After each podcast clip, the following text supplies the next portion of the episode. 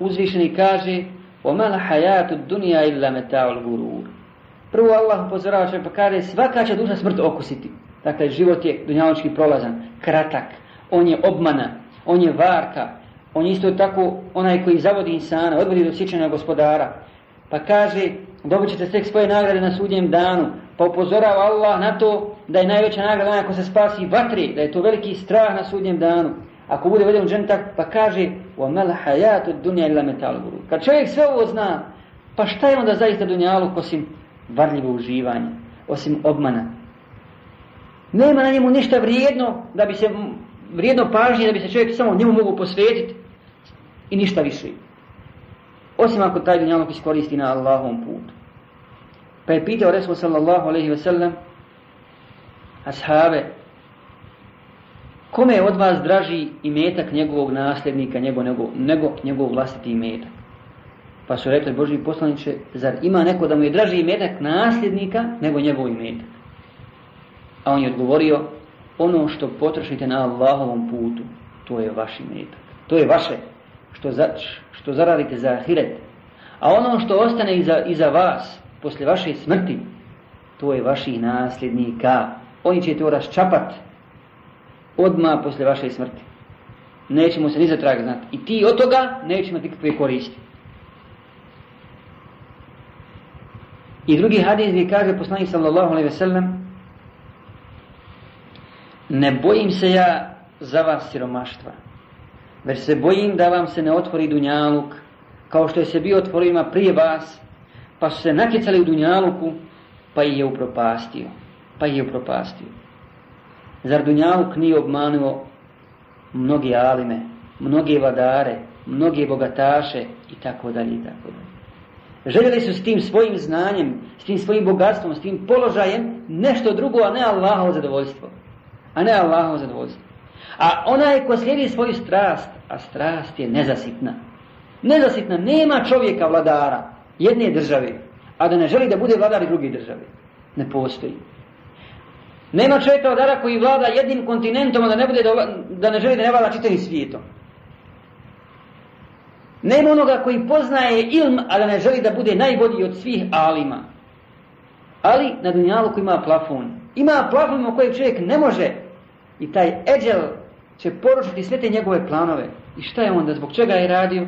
Za ahiret ništa nije pripremio. Duša potpuno prazna. Zato su ashabi, najbolja generacija, dobro pazili na ovo. I slušali su riječi Resula sallallahu alaihi ve sellem.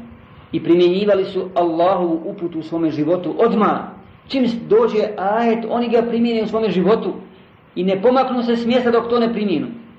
Kod nas nije tako. Mi puno pričamo, puno govorimo, puno čak znamo o islamu. A primjena slaba vallahi slaba primjena u životu. I dok se to ne bude primjenjivalo iskreno u ime Allaha Đelešanu, svaka riječ, dok se čovjek ne bude istinski bojao Allaha Đelešanu i kazi na sudnjem danu, Nema, nema. Jedna, jedna stvar koja meni nikako ne može da, da legne, obični međuljski odnosi među muslimanima, među onima koji se izdaju za sunnetlije, za e, stredbenike puta Rasula sallallahu alaihi sallam, ljude koji su izgleda tako da su angažovani puno da rade na tome, međuljski odnosi nisu sređeni su. Ako nemam, ako, ako nemam čiste odnose sa svojim bratom, pa kako ću na drugog pozivati? Ili sa svojom sestrom, kako ću na drugom činiti davu? Ako moja prsa svaku večer nisu čista od toga, kad legnem u postelju, nema bereketa u daru, nema bereketa u životu. Onda tu fali i zikra koji ga smo spominjali, fali i ibadeta, fali iskrenog odnosa prema Allahu Đelešanu. Pogledajte slučaj ashaba Omara radijallahu ta'ala an u vrijeme njegovog hilafeta on je poslao ashaba Sejd ibn Amira u Hums kao namjesnika. Posle izvjesnog vremena tražio je Omar da mu se pošalje spisak najsiromašnijih ljudi u Humsu.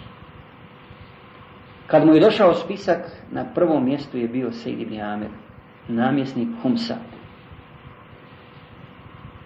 Pa je Omer radijallahu ta'ala an, znajući njegovu pobožnost i njegovu iskrenost, uzeo iz Bejtul Mala, iz države blagajne, hiljadu, hiljadu zlatnika i poslao ih Sejdi Amiru. Kada je dobio taj novac, ovaj iskreni ashab je gorko zaplakao. Pa ga je upitala njegova žena, šta ti je, što plačiš, da nije umro halifa? Kaže, sto puta gore. Pa kaže da nisu keafiri upali u islamsku zemlju. Kaže, sto puta gore. Pa šta je se onda desilo? Kaže, tvom se mužu otvorio dunjaluk i bojim se da ga ne upropasti kao što je upropasti one prije. Da to su bili ashabi. Osvojili su Bizantiju i Perziju. I svo bogatstvo Bizantije i Perzije i to je čudno ljudima. Ljudi se čude kada osvojili za nekoliko godina posle Resula s.a.v. i Bizantiju i Perziju. Ali je još čudnije da im se nije otvorio, da otvorio im se dunjaluk, ali nije ušao u njihova srca. Stalno su bili u vezi sa svojim gospodarom i nisu zavalili na ahiret, jer znali su da je dunjaluk prolazan.